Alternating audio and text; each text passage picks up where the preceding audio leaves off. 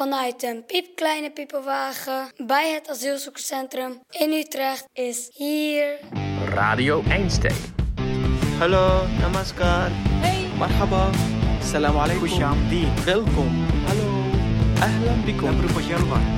Hallo. Hallo. Hallo, salam alaikum. Hoi. Ja, bagheer ragli.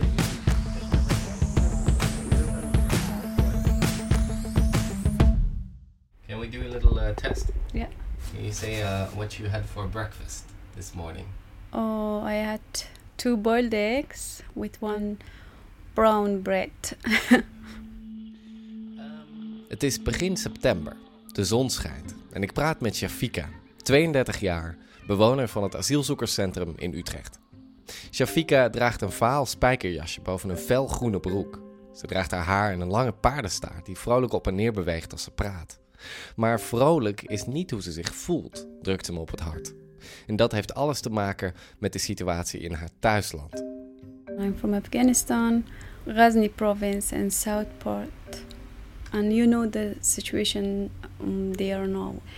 My heart is just broken in pieces. It is so difficult for me because my family is living there and my people are there.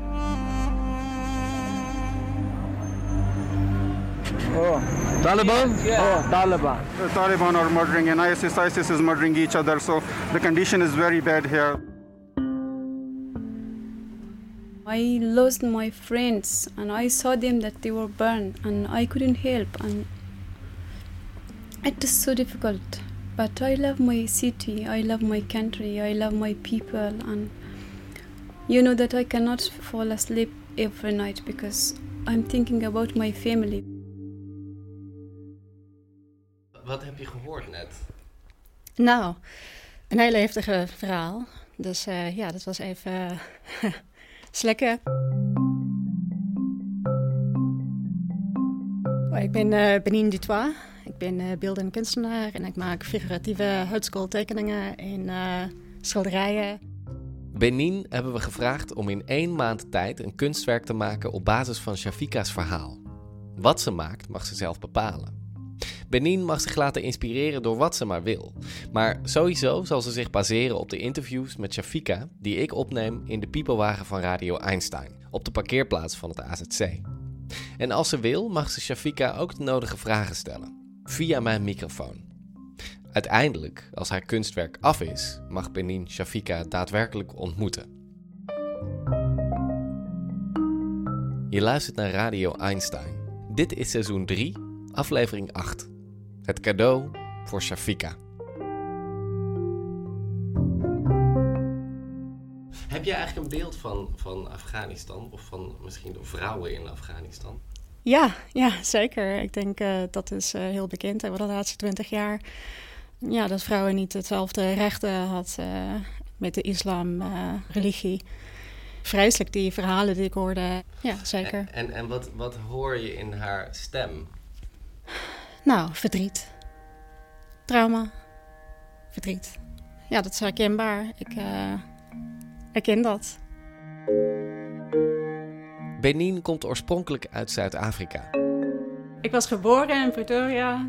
En al ligt Zuid-Afrika in een ander continent, met andere talen, een andere cultuur en een totaal andere geschiedenis, toch herkent Benin akelig veel van wat Shafika beschrijft. Eigenlijk mijn hele leven lang um, heb ik daarmee te maken met de situaties in, in Zuid-Afrika, met apartheid. Ik ben een blanke Afrikaner. Soms hebben we vrienden gehad van een andere kleur. En, maar ik denk in het grootste geval was dat niet zo. Over de laatste twintig jaar is er heel veel gebeurd, vooral met uh, rellen in, in protesten in Zuid-Afrika vanwege de, de politieke situatie daar. Um, voor mij was ik altijd bang voor mijn familie. Dat er iets zou kunnen gebeuren. Terwijl jij hier zit. Terwijl ik hier zit. Ik voel mij eigenlijk uh, hulpeloos. Ik vraag Benin of ze tijdens het luisteren naar Shafika's stem ook beelden ziet. Gelijk. Um, ik zie meteen beelden van, van mensenmassa's bij elkaar. Ja, dat ze tegen elkaar aandrukken en dat er heel veel spanning is. En ja, dat is, eh, ik word er bijna emotioneel van om daaraan eh, te denken. Maar je ziet mensenmassa's, je ziet niet haar. Ik zie mensenmassa's. Ja. Ik ben benieuwd wat je gaat doen. nou, ik ook. Je kan eerst gewoon rustig gaan luisteren. Ga ik doen.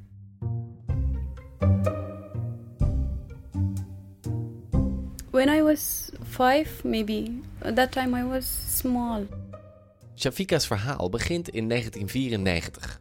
Ze is op dat moment vijf jaar oud en staat op het punt om voor het eerst naar school te gaan. It was not normal or usual to go to school because the schools were just for boys. In my village, my sister and my family, we were the first family to send their daughters to the to school. My father liked poetry and reading books, and he was always uh, giving me the books to read. And he was telling me, "Okay, you are so good. You have good imagination, and you can do it." And in class nine, I got the third position in the school. Als ze haar middelbare school succesvol heeft afgerond, moet ze kiezen. Ofwel ze gaat trouwen en wordt huisvrouw, ofwel ze gaat studeren. And I went to university. I started studying IT, computer science. I moved to Kabul. So you went to the big city. Yeah, to the capital.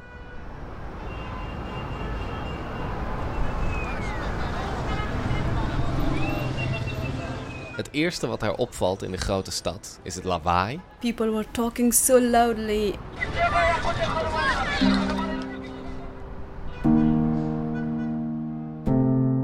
en er is nog iets waar ze nu pas voor het eerst van haar leven last van heeft.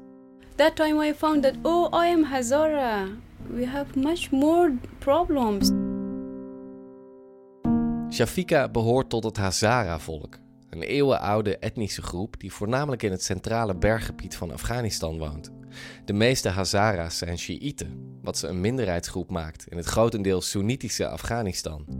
Ze staan bekend als een zeer ambitieus volk en de Hazara-vrouwen zijn veruit de meest vrijgevochten vrouwen in heel Afghanistan. Maar sinds de komst van de Taliban is er niet één bevolkingsgroep die zoveel van ze te vrezen heeft als de Hazara's. They are doing explosion and many things just to, in our Hazara places because of our belief, because of our ethnics and from my childhood I didn't know about politics, about religion and that time all uh, my concern was just to have food and to play with my friends but when I got to know these problems from that time I have pain in my heart. Op de universiteit komt Shafika in aanraking met allerlei andere bevolkingsgroepen.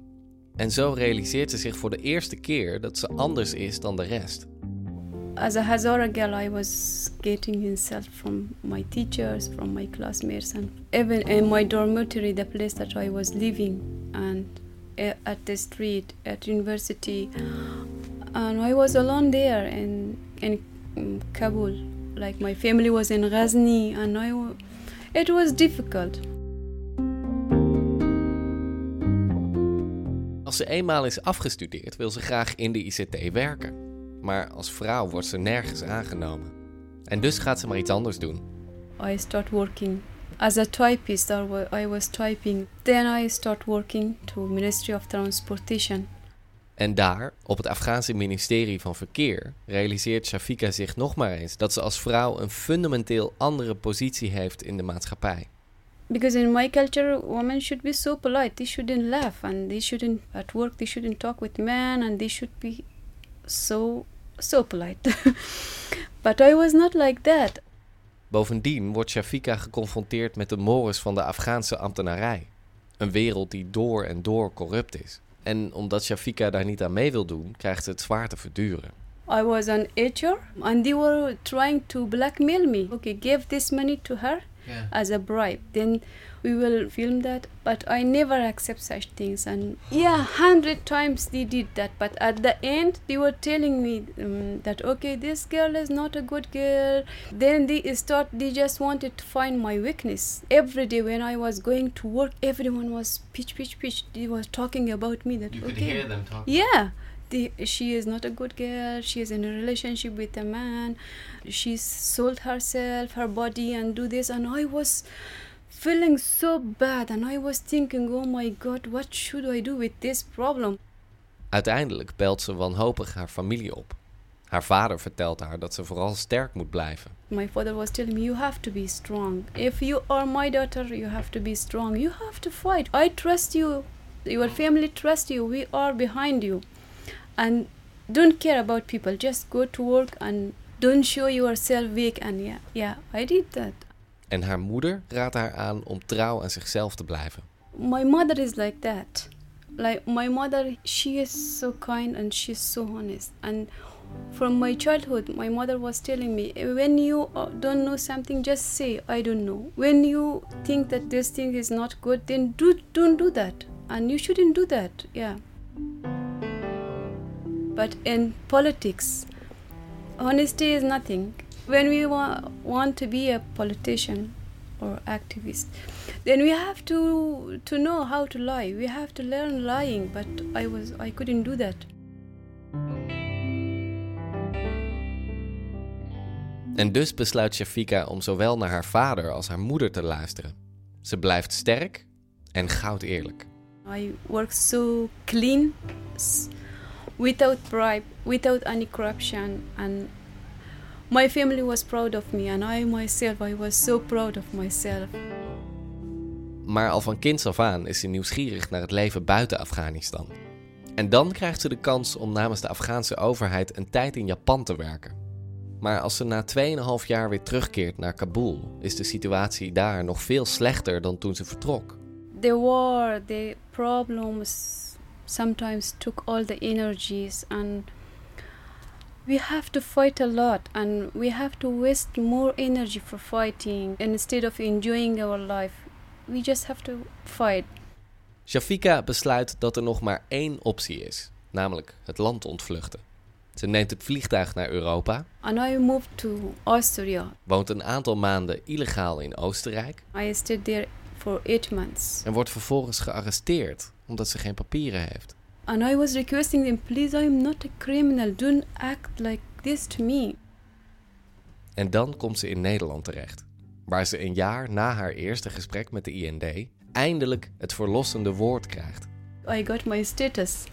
And everything just changed. And I can stay here and I can do whatever I want. I can be myself without feeling fear, without discrimination, without someone is telling me that you are Hazara. I am free girl here.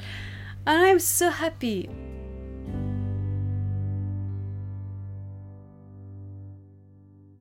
Wil je even zeggen waar we zijn? Nou, we zijn vandaag bij de Nijverheid en mijn atelier. Mijn kleine, intieme ate- atelier. Te Utrecht. En bij wie zijn we? Nou, we zijn bij mij, Benine uh, Dutois. Het is een interessante geur. Ja, terpentine. En dan ook houtskool. Het is precies één week nadat Benin het eerste fragment hoorde van mijn gesprek met Shafika.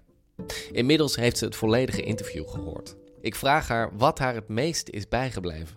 Dat ze eigenlijk een doorzetter is. En dat was, uh, dat was ook mooi om te horen, de verhaal. En dat ze altijd eerlijk blijft en altijd probeerde.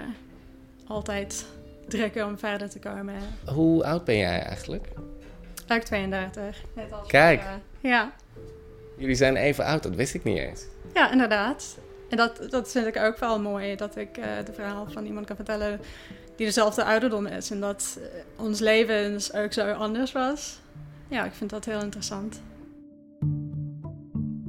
Ja, mijn vader had een beve beveiligingsbedrijf uh, voor kleine boerderijen en huizen in Johannesburg. Toen had ik mijn eerste kennismaking daarmee eigenlijk. Dat ik op een dag een file opendeed. Een dossier. Ja, ja een dossier opendeed en foto's zag van uh, de boerderijaanslagen. Ik denk dat was een soort realisatie van dit is, dit is daar, dit gebeurt, dit is toch wel dichtbij. Apartheid tore South Africa apart. Some say the white oppressors are now the persecuted. White farms are being robbed and farmers murdered.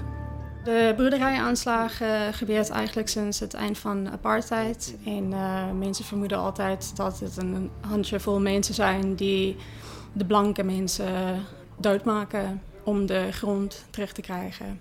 En uh, daar werk ik dan, dan ook mee om portretten te maken van die mensen die daarbij betrokken zijn geweest.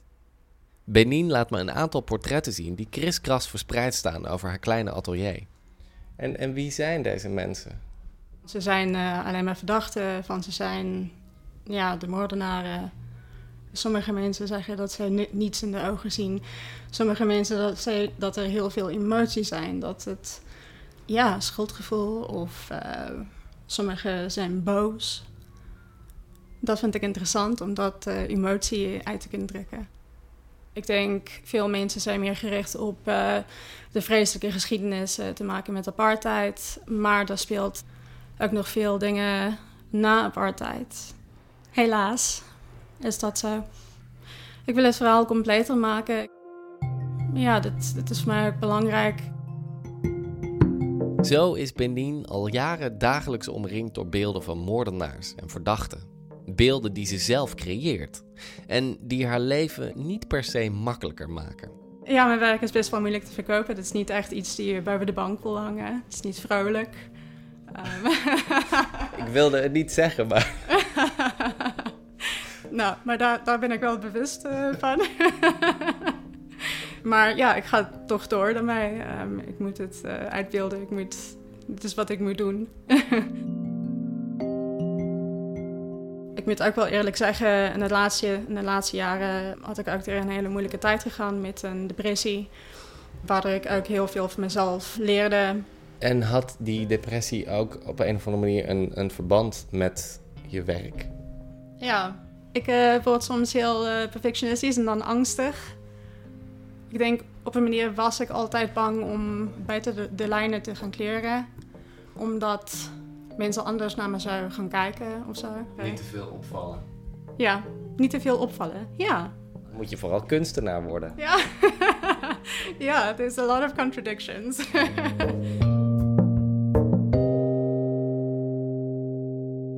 Hi Shafika, my name is uh, Benin Dutois. I am from South Africa. I'm 32 years old. We're the same age. I have been in the Netherlands for 11 years and I got the assignment to create a present for you to make an artwork of your story, and I'm very excited to do so. I also read up on your culture and that you are a minority in Afghanistan, and I couldn't help but also think of similar situations in, in South Africa.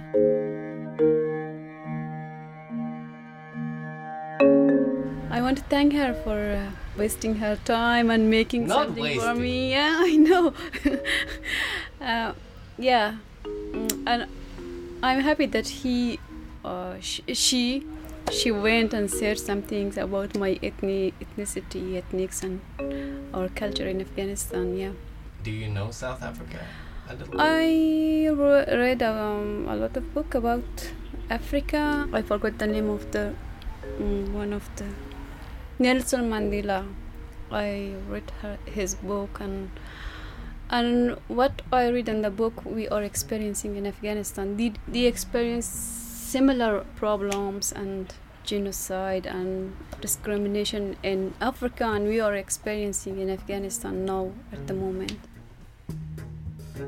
Yeah, it is difficult that mm, in this big world people are killing each other, people are not accepting each other. For me, sometimes I'm just thinking why? Because we have sh- so short life and why we should waste our time just to think and to disturb the other people.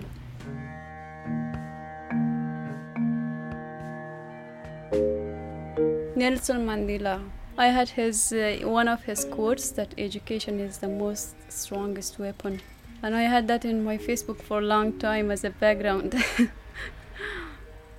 Are you ready for some questions? Yeah. I think she has a few questions. okay, yeah. And so, my questions to you are as follows What are some important things to the Hazara culture? So, this can be anything, it can be objects. I also read that the Hazara people are known for their proverbs, poems, and music and stories. So I want to know one of these stories or a proverb that really sticks with you. Yeah, about the Hazara culture, we have a special, we are saying dambura, and that is like a guitar but with two um, Snares. snares.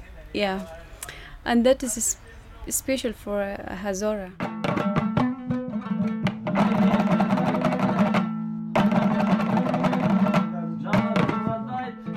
We luisteren samen via YouTube naar het geluid van de dambora. Dan vertelt ze het verhaal van haar oom, een fervent dambora-speler. Taliban just catched my ankle because he was playing dambura in a wedding Oh no, party. and it's illegal. It was illegal, yeah. And when my uncle was playing and singing, someone just informed the Taliban and they came and they catched my uncle on the wedding party and they beat him so badly and they broke the the dambra and they hanged on their office the broken dambra on the top of the wall. After that, he didn't like to like hug me, and he was so different. And I asked asked him what happened to you, why you don't want us to come close to you. But we did not know that that he was injured and he couldn't mm, like move his hand and even like two weeks ago when Taliban announced that arts and especially music is not allowed. Ik vraag haar of ze nog iets kan verzinnen dat haar aan haar volk doet denken. Ze denkt even na en moet glimlachen.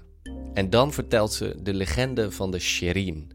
Een verhaal over 40 Hazara-dochters ten tijde van de genocide op het Hazara-volk. Een genocide die daadwerkelijk plaatsvond in het jaar 1890. Het verhaal gaat over 40 jonge vrouwen die achterna worden gezeten door het leger van de toenmalige Pashtoen-leider van Kabul. and they plan to flee and then they are fleeing fleeing then they are going to a mountain. But the pashtun people they are just following them. When they are the men are so close to them they they see no hope then they just all of them together they are just pulling themselves down from the mountain And commit suicide, really? yeah all of them they they did Rather than be captured. yeah ra- rather being captured by by pashtun and the Oh. soldiers yeah What a story.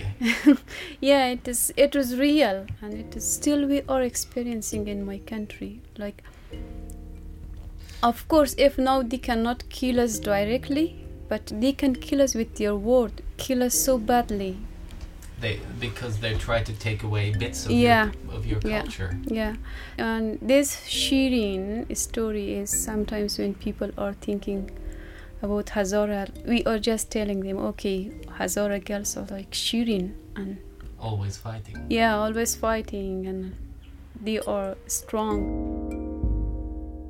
Shafika herinnert zich hoe haar leraar op school elke maand hetzelfde gedicht voorlas. Een gedicht over de legende van de 40 Sherin-dochters, die zich dus van een berg naar beneden lieten storten, omdat ze hun lot koste wat kost niet in de handen van het Pashtoen-leger wilden leggen.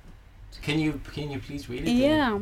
مادر سلام ما همگی ناخلف شدیم در قه سال عاطفه هامان تلف شدیم مادر سلام طفل تو دیگر بزرگ شد اما دریغ کودکی تو کودکی نازی تو گرگ شد. مادر اسیری وحشت جادو شدیم ما. چشمی گزید و یک سر بدخو شدیم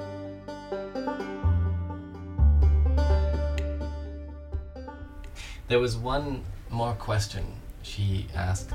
Um, what are some of the things that you had to leave behind? When when you came here? Mm, I left everything. My family, my friends, my job, my my work, like all my books, all my clothes, my notebooks. Yeah, I left everything.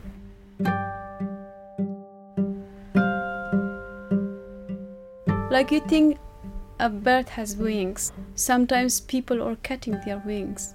Then they cannot fly anymore. Sometimes I'm just thinking uh, like that.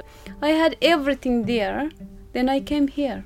And now I here I have to f- to learn how to fly and how On to your own? yeah on my own and I have to start from from zero like a kid. You know I have to learn everything. Maar al is Shafika nog maar een jaar in Nederland en al voelt ze zich hier als een kind dat alles nog moet leren, toch heeft ze in korte tijd al heel wat vooruitgang geboekt. When I came here I was thinking that nothing is alive in my body. No emotion. No emotion, no feeling, nothing, no desire. But after three months, I was just thinking that okay, something new is alive inside my body, and I was feeling "Oh, okay, it is good, and I have to grow. Then I was thinking, okay, let me go and find a work. I updated my CV and I start sending my CV to the companies. Shafika doet vele pogingen om werk te vinden, vrijwillig desnoods. Zo probeert het bij PostNL, They said, oh, sorry, we cannot hire you. Also, you don't talk Dutch. bij een verzorgingstehuis, just to talk with them and sit with them. If they need my help, then I will do that. And they said, no, sorry, en dan vindt ze zowaar een stage in de ICT. to do the repairing of the MacBook. Yeah, I have a six months internship, and it's possible that they make a contract with me. And I love that company with my whole heart because when I went there, they said, "Okay, you are a refugee. We want to help you." I, now I'm just feeling so happy.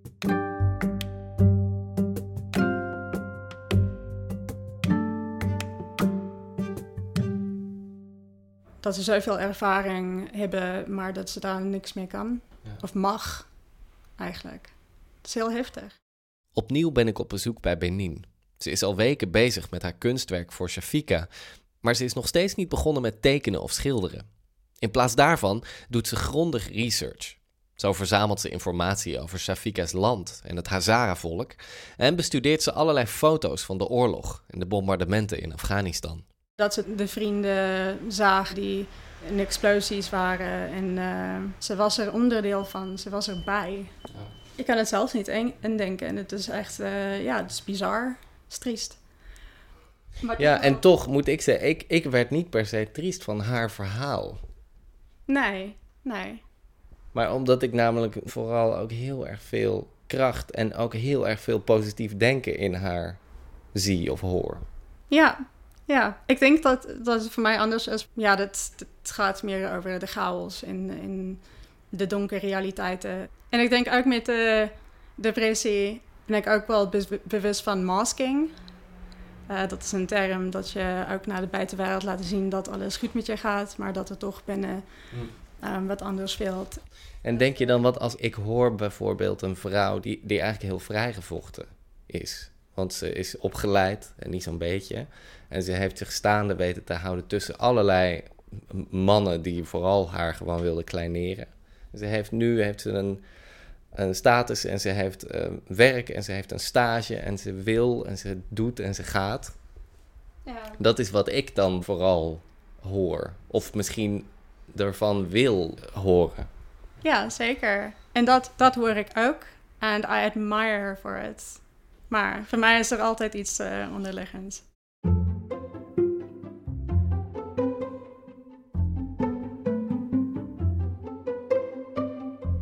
Shafika. Thank you so much for your response. And you are not at all wasting my time.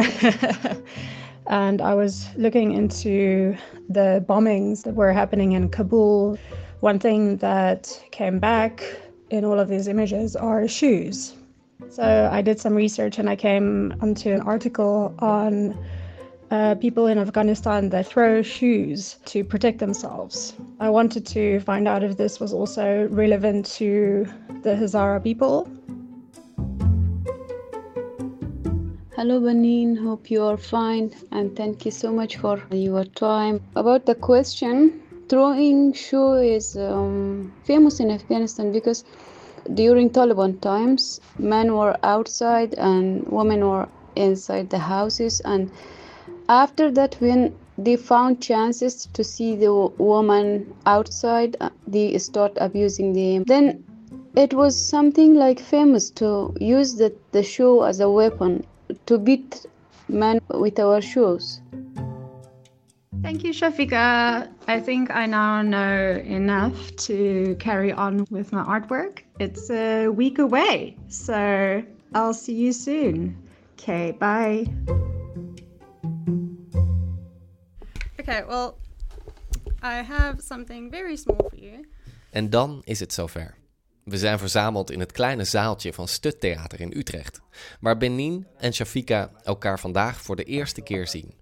Vooral Benin lijkt bijzonder nerveus. In the Netherlands, I've also gone through a lot of tough things, and this is something that I use to make things a little easier. And therefore, I want to give you a bag with three crystals Yeah. That you can hold near when you have a tough time. Yeah, thank you so much, Benin. Yeah, I also have a small gift for you. this is a, a coffee cup in the morning or the time that you are painting and drawing. Then I just want you to use this cup and remember that I, I always remember you. Oh, thank, you so much. thank you so much. That caffeine will definitely help. thank you. I think uh, the interesting part is next. Which is the artwork. There's more. With the project, I try to focus on your story, but also the story of your people and the things that they had gone through, because I think that that is something very important to tell. I found that you spoke very poetically, um, and that is something that stuck with me. And one of the words that you used throughout your talk was whispers. And the work that I made is actually titled Whispers. And if anyone has questions afterwards, please feel free. Yeah.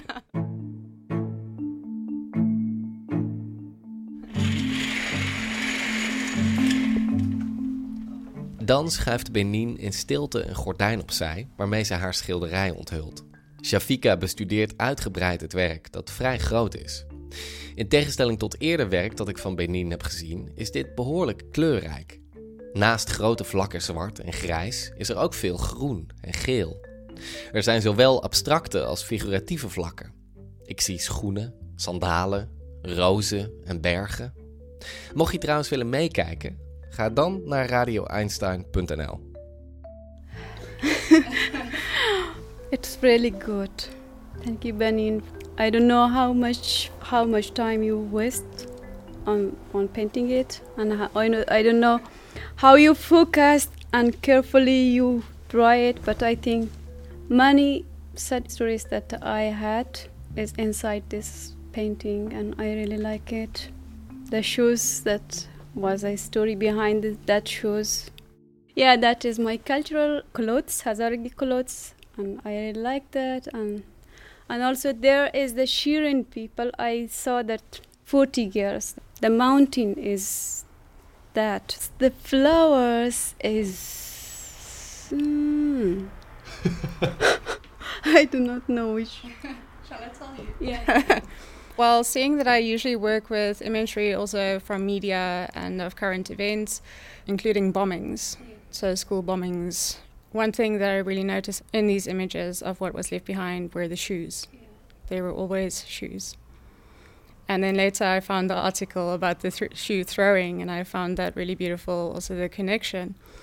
And on one of the images, I saw flowers that were laid by these shoes after one of these bombings. And I thought that it would be a nice way to honor your friends. And therefore, there are flowers. yeah, thank you so much.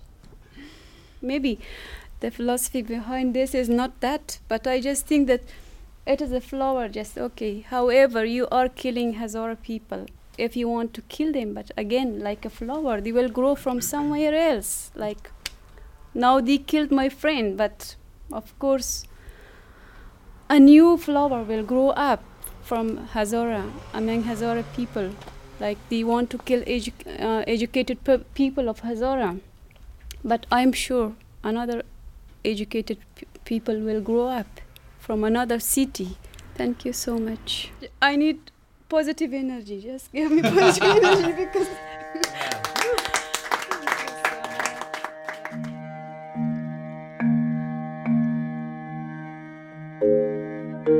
I want to shake hands, Benin. I know it is Corona time, but but uh, thank you so much, and I will have it till till the time that I am alive. That I will have it in my house. I will take it with me everywhere I go. I hope that it will find a nice place in your home. it will. I'm sure it will find. and um, I just thought of something else to say. The the process is really difficult, but it does get easier by taking just small steps. Okay. And that it's okay not to do everything and expect everything at once. And that's a really hard thing to learn. Yeah. And uh, I'm also still not even there. okay, good advice. Thank you so much. but it does get easier. Thank you so Small much. bits at a time. Yeah. Thank you.